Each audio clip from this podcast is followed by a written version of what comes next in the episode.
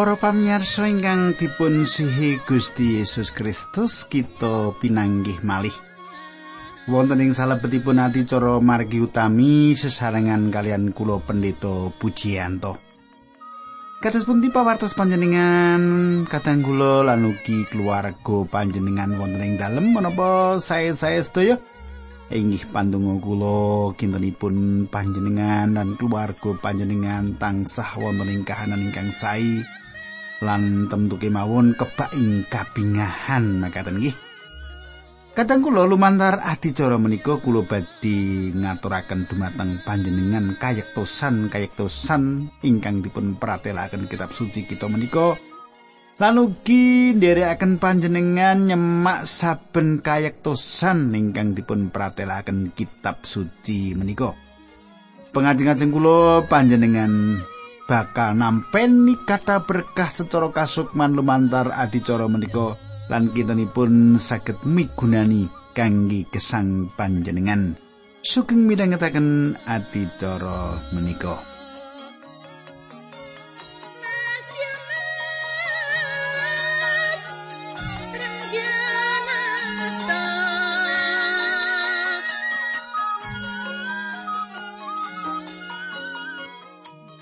Para pamirsa ingkang kula tresnani wonten ing pepanggihan kepengker.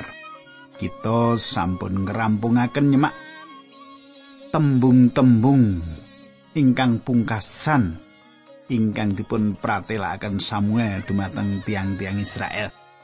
Tasih kemutan panjenengan katang kula. Nalika semanten Samuel meling dumateng bangsa Israel. Lajeng menapa malih ingkang dipun pratelakaken wonten ing kitab setunggal sama menika kita badhe nyemak nanging saderengipun menika monggo kita tumungkul kita ndedonga sesarengan. Duh Kanjeng Rama ingkang adidampar wonten kraton ing kasuwargan kawula ngaturaken gunging panuwun menawi wekdal menika kawula saged tetunggilan kalian sedherek kawula. Kawula nyuwun Gusti berkahi lan Gusti mitulungi kawula wonten ing adicara menika linambaran asmanipun Gusti kawula Yesus Kristus kawula netunggal haleluya. Amin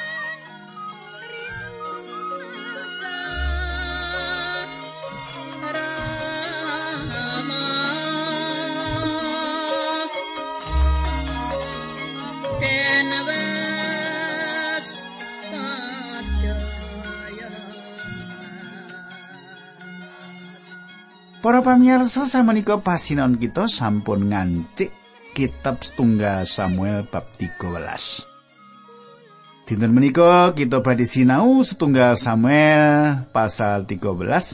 Kula badhe maosaken ayat setunggal ngantos sekawan rumiyin. Kita ndek wonten mriku kula badhe nyukani keterangan-keterangan ingkang perlu kangge panjenengan. Makaten surau sing pangandikan ing sawijining dina bareng sawis dadi raja milih wong telung ewu. Sing rong ewu manggon karo Saul ing Mikmas lan ing wilayah pegunungan Betel dene sing sewu bebarengan karo Yonatan putrane menyang Gebia ing wilayah Talar Benyamin. Liyane padha dililani mulih menyang omahe dewi-dewi. Yonatan ngalahake bolo Filistin ing Geba lan bangsa Filistin padha krungu wartani Saul banjur kongkonan nggunakake slompret ing sak tlatahing negara kanggo ngundangi wong Ibrani supaya maju perang. Wong Israel kabeh padha diweni weruh yen Saul wis mateni senopati Filistin. Mula wong Filistin padha ngetingi wong Israel. Rakyat banjur padha melu gabung karo undangan mau dadi siji karo Saul ing Gigal. Kadang kula watek wantu aslinipun Saul samenika wiwit ketinggal. Watak asline Saul wiwit ketok. Dipun serat pilih Yonatan ngawonaken bolo Filistin. Sinten ingkang dipun untungaken awit saking kamimpangan menika? Sopo sing diuntungke awit kamenangan iki?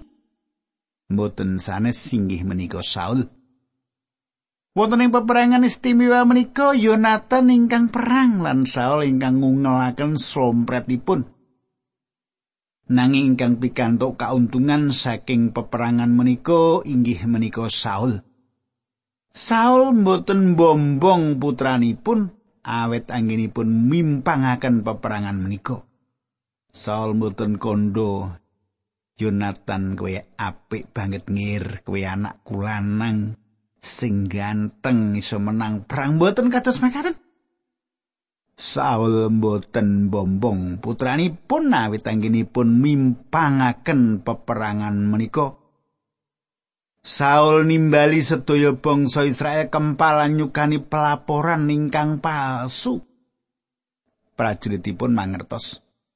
Bilih menapa ingkang dipun laporaken Saul menika mboten leres lan ugi para pandherepun Jonathan mangertos babagan menika. Tiang-tiang wiwit gadah panginten bilih wonten karingkian ing salebetipun prajuritipun Saul. Ana karingkian ing sajroning prajurite Saul. Kula lajengaken ayat gangsalan 6 para pamirsa. Makaten surasipun.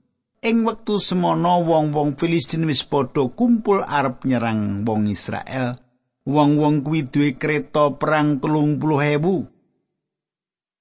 Prajurit jaranan 6000 sarta para prajurit liyane ake kaya wedi ing pinggir segara banjur padha ngluruk perang ngedekake kemah ing Mikmas ing sawetaning Bet Awen. prajurit-prajurit mau banjur padha nyerang wong-wong Israel nganti wong-wong Israel padha kepepet akeh sing padha ndelik ing guwa-guwa ing jurang-jurang utawa ing selo selaning perang ing sumur lan ing growongan lemah Para pamirsa saking pengantikan menika cetha bilih bolo Filistin sampun kasil mulihaken prajuritipun saking anggenipun kawon perang lumawan bangsa Israel. lan samenika datengi malih kanthi bala ingkang kiat kangge nyerang tiang Israel. Ayat 8 lan 9 Saul nggone ngenteni Samuel suweni pitung dina cocok karo welinge nanging Samuel durung tekan ing Gilgal dene Saul wis miwit ditinggal perjuriti. Mulane Saul banjur perintah marang wong-wong mau korban hubungan lan korban cuti kuwi gawanan reni. Saul dhewe banjur nyausake korban hubungan mau. Para pamirsa, Saul gadah anggepan bilih awit kalenggahanipun dados raja menika piyambakipun saged misungsungaken kurban obaran. Saul ngremehaken wucalan Allah bilih namung imam saking tar Lewi ingkang saged misungsungaken kurban obaran.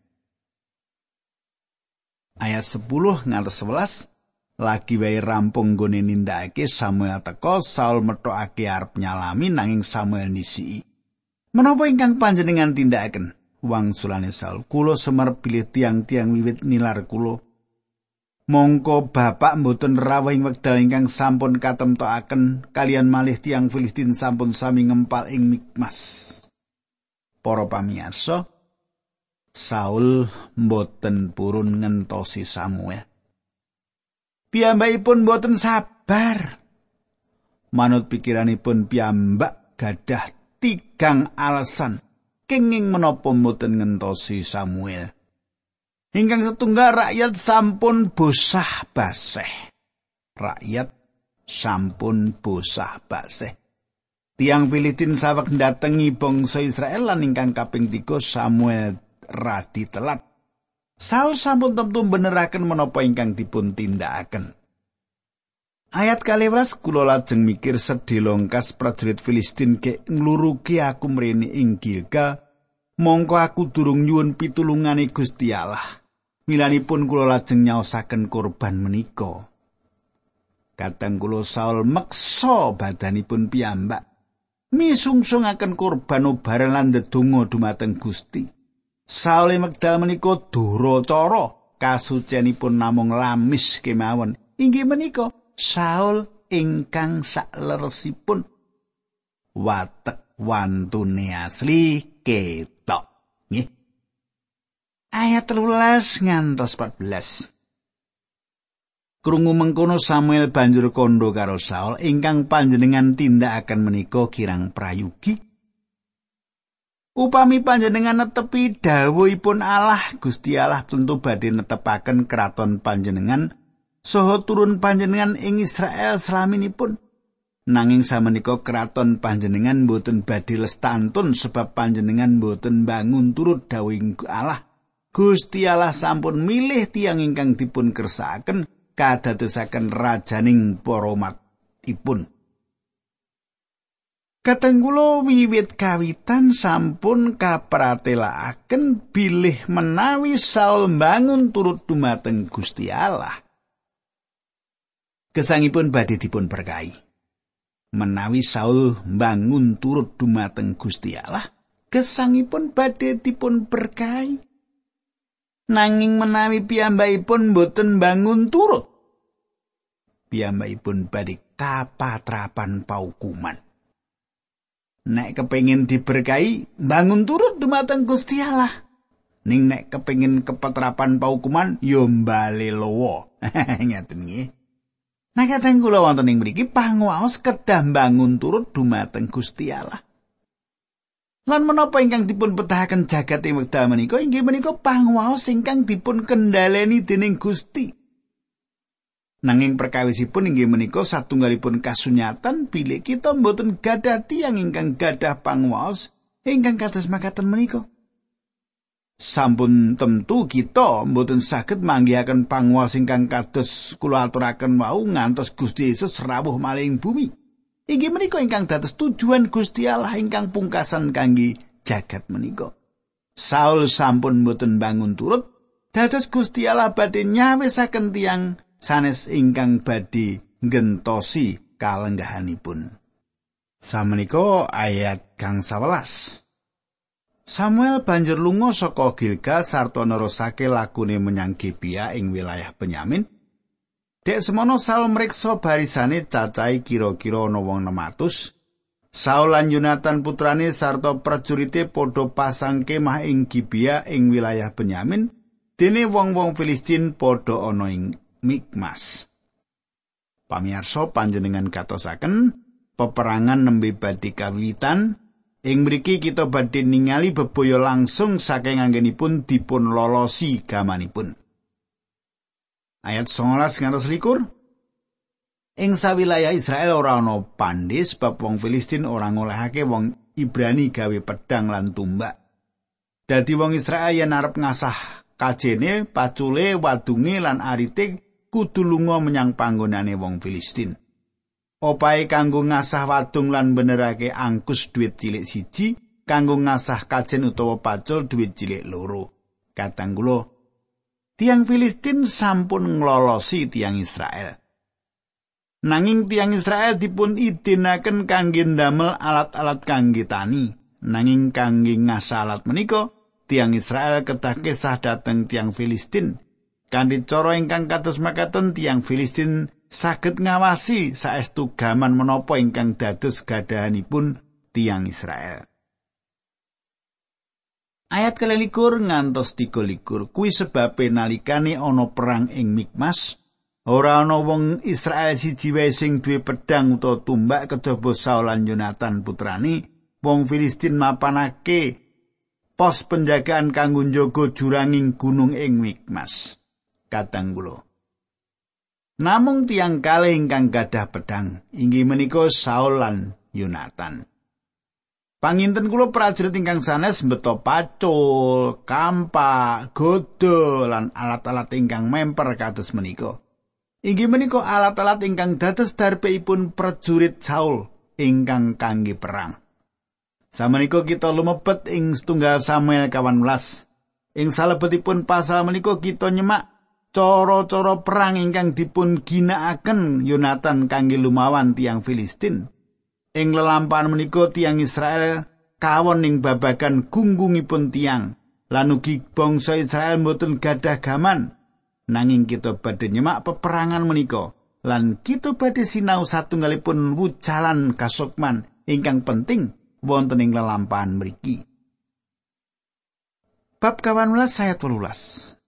Evote gawanen mrene tembungi Saul marang Imam Ahia. Ing dina kuwi Ahia nggawa evot ing sangareping wong-wong Israel.